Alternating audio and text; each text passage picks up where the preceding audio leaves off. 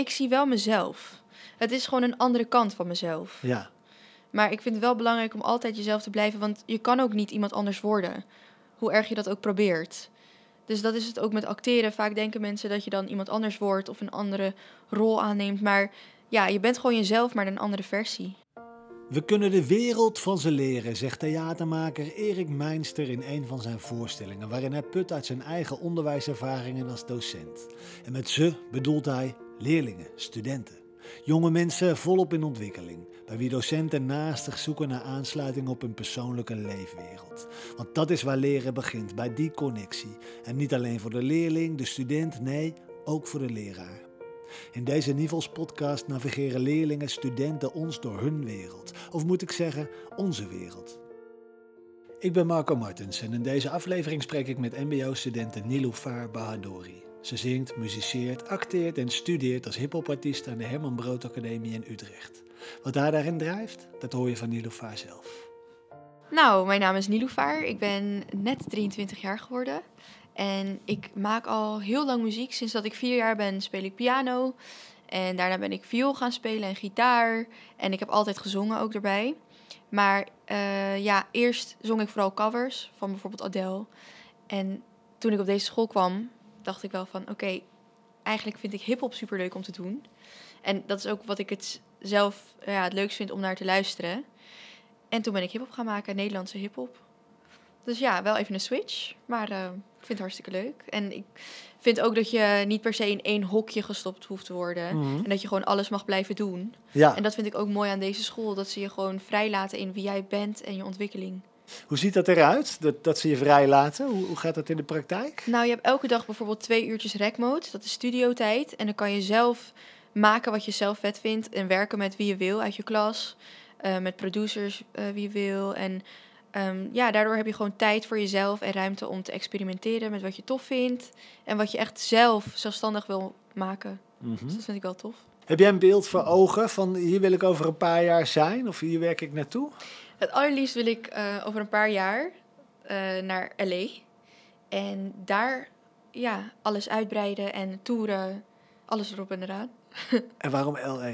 Ja, dat is sinds kleins af aan altijd mijn droom geweest. Echt sinds dat ik eh, acht ben, wist ik al van... Oké, dit is gewoon wat ik wil. Ik weet ook niet wat me zo erg...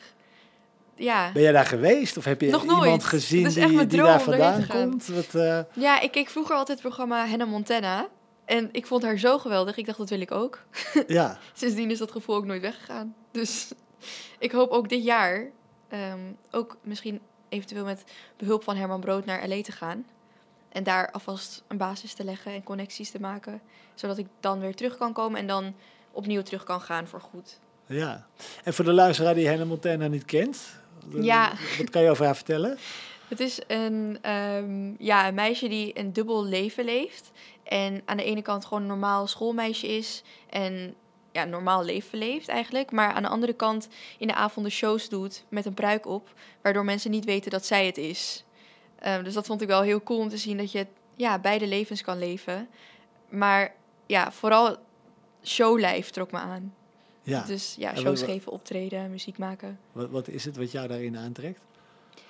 Ja, ik heb het gevoel alsof ik op het podium een andere versie van mezelf kan zijn.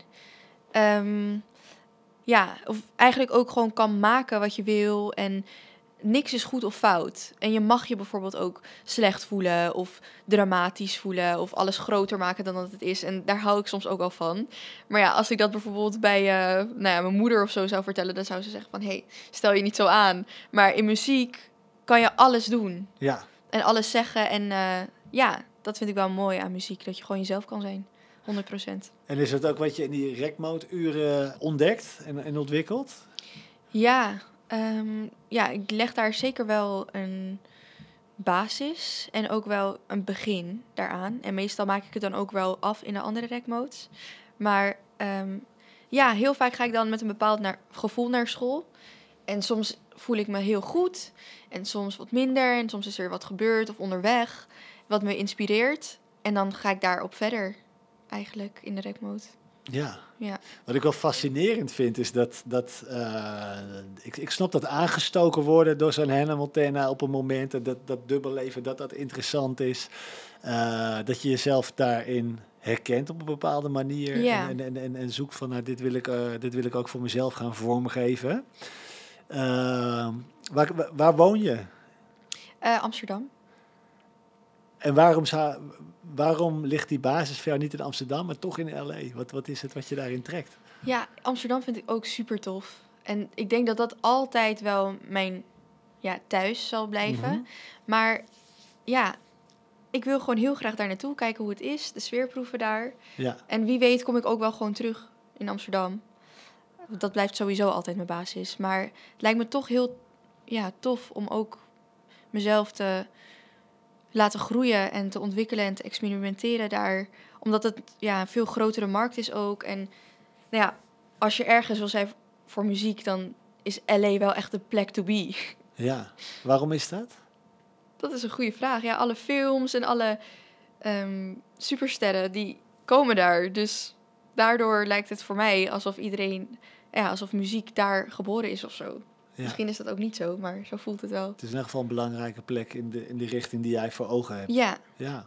ik vind films ook heel tof om te doen. Zou je die richting in willen? Ja, zeker. Ik heb ook een aantal series gedaan eh, in Nederland. Maar het lijkt me ook tof om echt films te doen in eh, Amerika ook. Wat heb je gedaan in die series? Eh, Spangas. Ja? Dus dat is een kinderserie en ook een thrillerserie op Videoland, de 12 van Schouwendam. Ehm, ik heb ook op de toneelschool gezeten hiervoor. Mhm. Eh, dus ja, ik heb theater en acteren ook altijd super leuk gevonden. En het is ook leuk om te kunnen combineren natuurlijk met muziek. Ja, maar er, er is dus een hele duidelijke eh, aanwezigheid van, van een plek in jouw leven waar je in een andere huid kan stappen. Ja, Of een andere rol. Ja, als je het zo bekijkt, Ja. inderdaad. Ja, eigenlijk wel. Wat vind jij daar? Is dat wat je net vertelde? Van dat, dat je eh, daar emoties of, of bepaalde vormen van emoties kwijt kan waarvan je moeder zegt, nou, stel je niet zo aan? Ja, dat was een voorbeeldje voor Ja. mijn moeder. Ehm, maar eh, ja, het is toch... Je kan andere kanten laten zien die je in het normale leven niet echt tegenkomt. Hm? Ehm, en je kan je ja, verbeelding erbij gebruiken. Je kan dingen verzinnen. Ehm, of juist als je dingen om je heen ziet, maar je hebt het zelf nooit meegemaakt. Je probeert het te verplaatsen daarin. En ik ben best wel een empathisch persoon. Dus daarom Ja, trekt het me denk ik ook wel automatisch. En zelfs als ik niet acteer, dan voel ik alsnog wat er om me heen gebeurt. Dus ik denk dat het voor mij ook wel makkelijker is om in zoiets te stappen, omdat het automatisch toch al gebeurt. ja. En lukt het jou dan ook als je bijvoorbeeld Spangas terugkijkt en Ja. je, ziet je, je ziet jou eh, spelen, zie jij dan jezelf of zie jij je personage? Ehm, ik zie wel mezelf. Het is gewoon een andere kant van mezelf. Ja, Maar ik vind het wel belangrijk om altijd jezelf te blijven, want je kan ook niet iemand anders worden. Hoe erg je dat ook probeert. Dus dat is het ook met acteren. Vaak denken mensen dat je dan iemand anders wordt of een andere rol aanneemt. Maar ja, je bent gewoon jezelf, maar een andere versie. het is een bepaald stukje wat je uitvergroot of zo. Ja, zeker. Ja. Aandikt of eh, triggert. Ja, Ja, tof. thanks. Ehm, ik herken in dat voorbeeldje wat je gaf over je moeder, dat, herken ik wel. En, en dat is sowieso wel iets in Nederland, hè. Doe maar normaal. Ja, Laat me niet te veel van je emoties Nuchter, zien. ja. Ja. Hoe, hoe kijk jij daar tegenaan? Ehm, aan de ene kant vind ik het wel een fijne mindset. Omdat je dan toch humbled blijft met twee benen op de grond. Ehm, ja, maar aan de andere kant is het ook wel moeilijk. Omdat iedereen ervaart dingen anders. Dus eh, hoe ik iets ervaar, ja, dat ervaart iemand anders misschien veel heftiger of juist veel lichter. En als je dan tegen diegene zegt van, hey, stel je niet zo aan. ehm, omdat het bij jou niet zo heftig binnenkomt ja, dat betekent niet dat het bij een ander niet heftig binnen kan komen. Ja, Dus dat vind ik wel moeilijk. Ik vind dat je iedereen moet behandelen op een specifieke manier hoe diegene is. En niet in het algemeen kijken, want iedereen is anders. Ja. En als je dan om je heen kijkt naar, naar de, de, de, de klas waarin je zit, eh, die omgeving in Amsterdam, proef jij daar de ruimte om, om die emoties te uiten, om, om dat stukje van jezelf kwijt te kunnen? Ik heb er vroeger wel best wel mee gestruggeld ook. Ik vond het heel moeilijk, omdat ik dacht, eh, ja, ik ja, zag er ook wel anders uit eh, dan heel veel mensen bijvoorbeeld uit mijn klas. Dus ik was dan het enige meisje met donker haar. Ehm, maar ja, daardoor wilde ik extra normaal lijken, omdat ik dacht, ik ben al zo anders. Maar nu heb ik dat gelukkig los kunnen laten. En ja, nu heb ik wel echt, vooral ook door deze omgeving hier op school, Herman Brood, dat ik ja, echt mezelf kan zijn. En dat is ook nodig in dit vak. Want Ja. als je niet jezelf bent, dan kan niemand zich ook identificeren met jou of zichzelf her, daarin herkennen. Ehm, dat vind ik wel belangrijk, ook in je muziek. Dat Mhm. mensen ja, voelen wat jij zegt. Ja, absoluut. En, en eh, heb jij een idee hoe het komt dat je jezelf kan zijn? Me- meer dan eerder? Ja, natuurlijk zitten er allemaal mensen hier die zichzelf zijn. En dat stimuleert je ook om ook lekker jezelf te zijn. Want je kan toch geen ander worden of zijn. Dus ehm, ja, en omdat iedereen ook bezig is met wat jij ook tof vindt, muziek. Zo kan je elkaar ook motiveren. En is het ook leuker om eh, gek te doen of eh, nou ja, iets geks te zeggen. Of nou ja, niet bang te zijn om buitengesloten te worden bijvoorbeeld. Ja. Je hebt een fijne plek gevonden. Zeker weten. Fijn hoor. Ja, het duurde eventjes, maar... Ja, want waar ben je doorheen gegaan voordat je hier terecht kwam? Nou, eh, ik zat op de toneelschool. En daar was ik dus het enige meisje met donker haar. En dat vond iedereen heel gek op die school. Omdat ze nog nooit iemand zoals ik hadden gezien daar. Ehm, dus dat was wel moeilijk om om te gaan met sommige opmerkingen. Of eh, ja, dat bijvoorbeeld heel veel docenten niet begrepen waar je vandaan kwam. Of nou ja, ik heb dan eh, veel te horen gekregen dat ik op Nederlandse bijles moest. Omdat ze dachten dat mijn taal niet goed was, terwijl ik hier ben geboren. Dus ja, Ja, en ja, ik heb ook niet echt problemen met taal. Ik heb gewoon Atheneum ook gedaan en het ging allemaal wel oké. Dus ja, om dan te blijven horen dat ik in een... Want mijn ouders komen uit Perzië, Iran. En eh, daar wilden ze op school dat ik me ging focussen op de Persische scene. En dat ik alleen maar ehm Persische rollen aannam.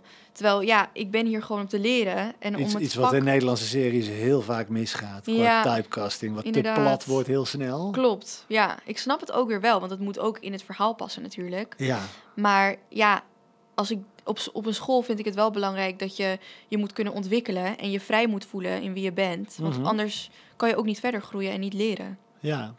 Want je gaf net het voorbeeld, hè? je kunt niet iemand anders worden. Ja. Eh, het is heel moeilijk als je zo eh, in zo'n klein hoekje geduwd wordt om dan jezelf te blijven, denk ik. Precies, Eh, klopt. Dat, wat deed dat met jou tijdens die opleiding? Dat was heel moeilijk. Ik heb het ook niet afgemaakt daardoor. Ik kreeg paniekaanvallen. Ik eh, wilde niet meer naar school. Ik vond het echt verschrikkelijk om naar school te gaan.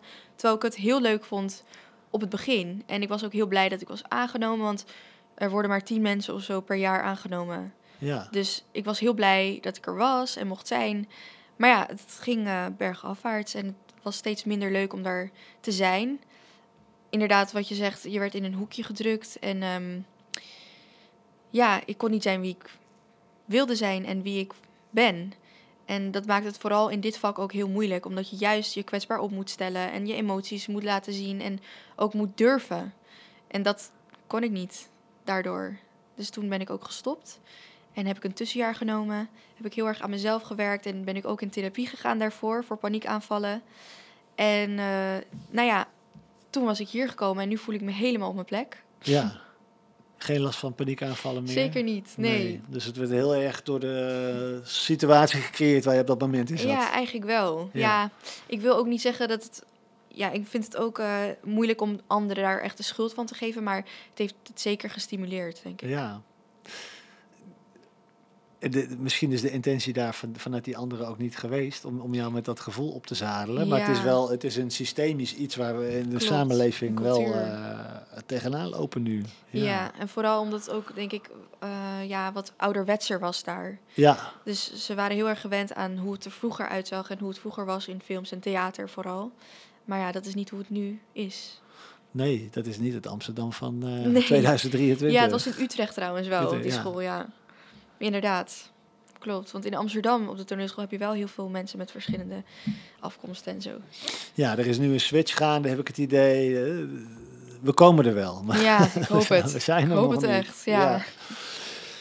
Hey, heel fijn dat je nu die plek hebt gevonden waar, eh, waar dat allemaal geen issue is. Ja.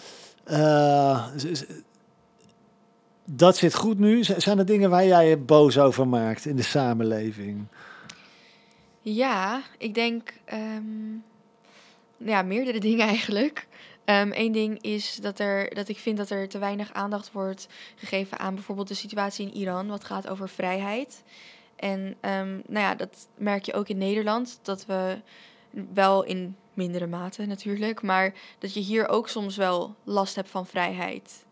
Ehm, als in, ehm, ja, je kan je soms niet over bepaalde dingen uitspreken zonder gecanceld te worden. Mhm. Ehm, en bijvoorbeeld over dat corona gebeuren. eh, ja, de samenleving wordt wel verdeeld door verschillende mening- meningen van anderen. Dus dat is één ding.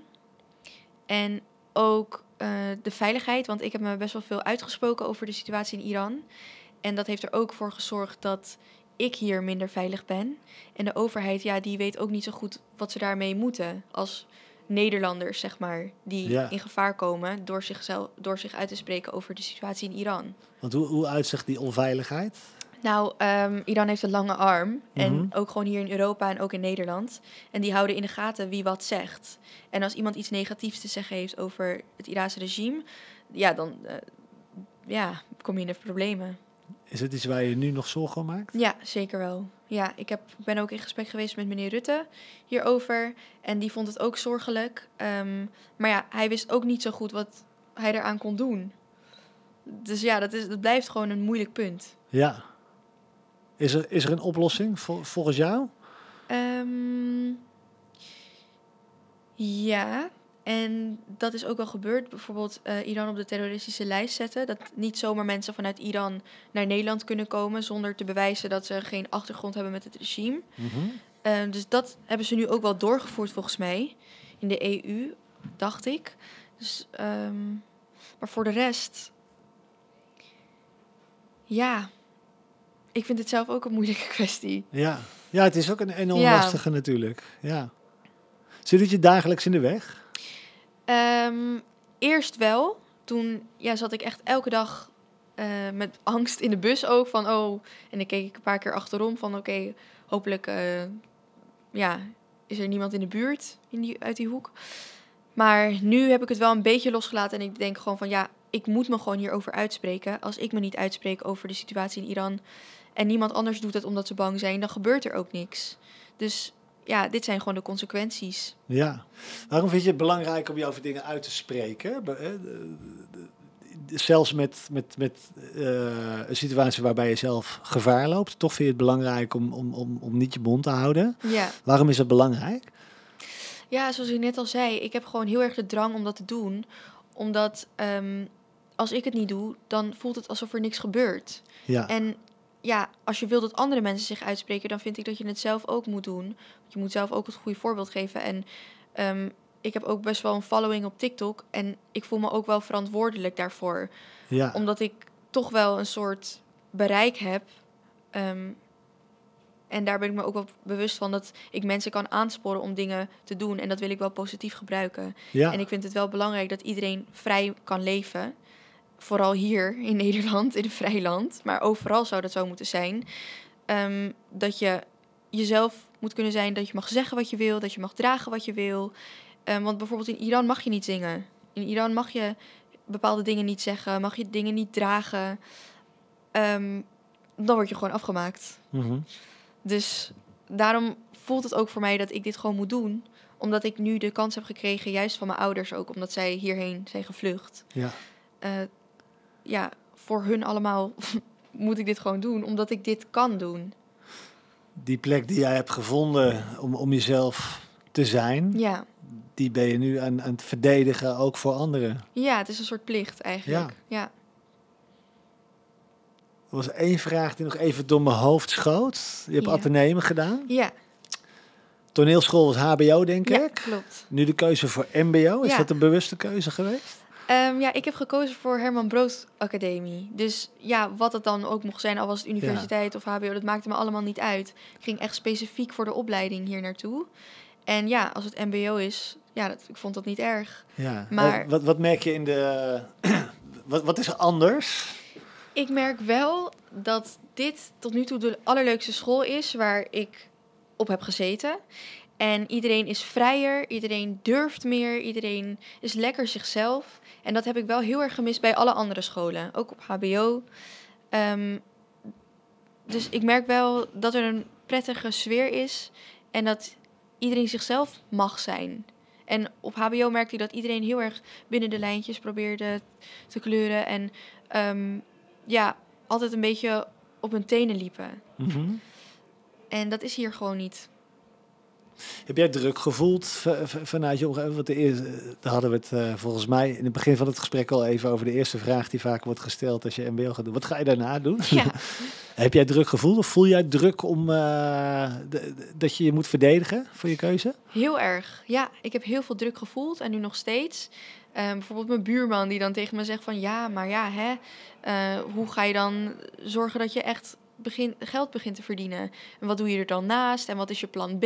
En wat als het niet lukt? En ja, dat heb ik eigenlijk sinds kleins af aan altijd gehoord. En Ja. ehm, dat is ook wel een moeilijke gedachte, omdat je nooit echt zeker weet of je, of je het wel of niet gaat maken. Of...